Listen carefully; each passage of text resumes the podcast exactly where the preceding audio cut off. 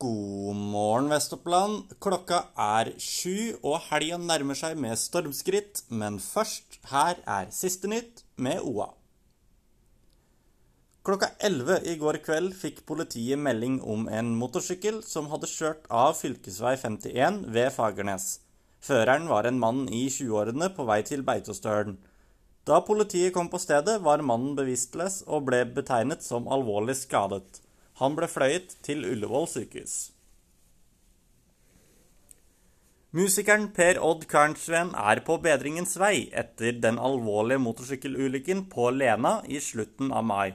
Han ble fløyet til Ullevål sykehus, hvor tilstanden i lang tid ble ansett som alvorlig.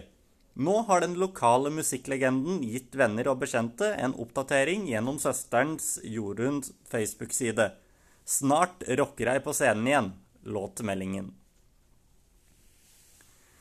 Politiet fant både dynamitt og fengheter i bilen til en etterlyst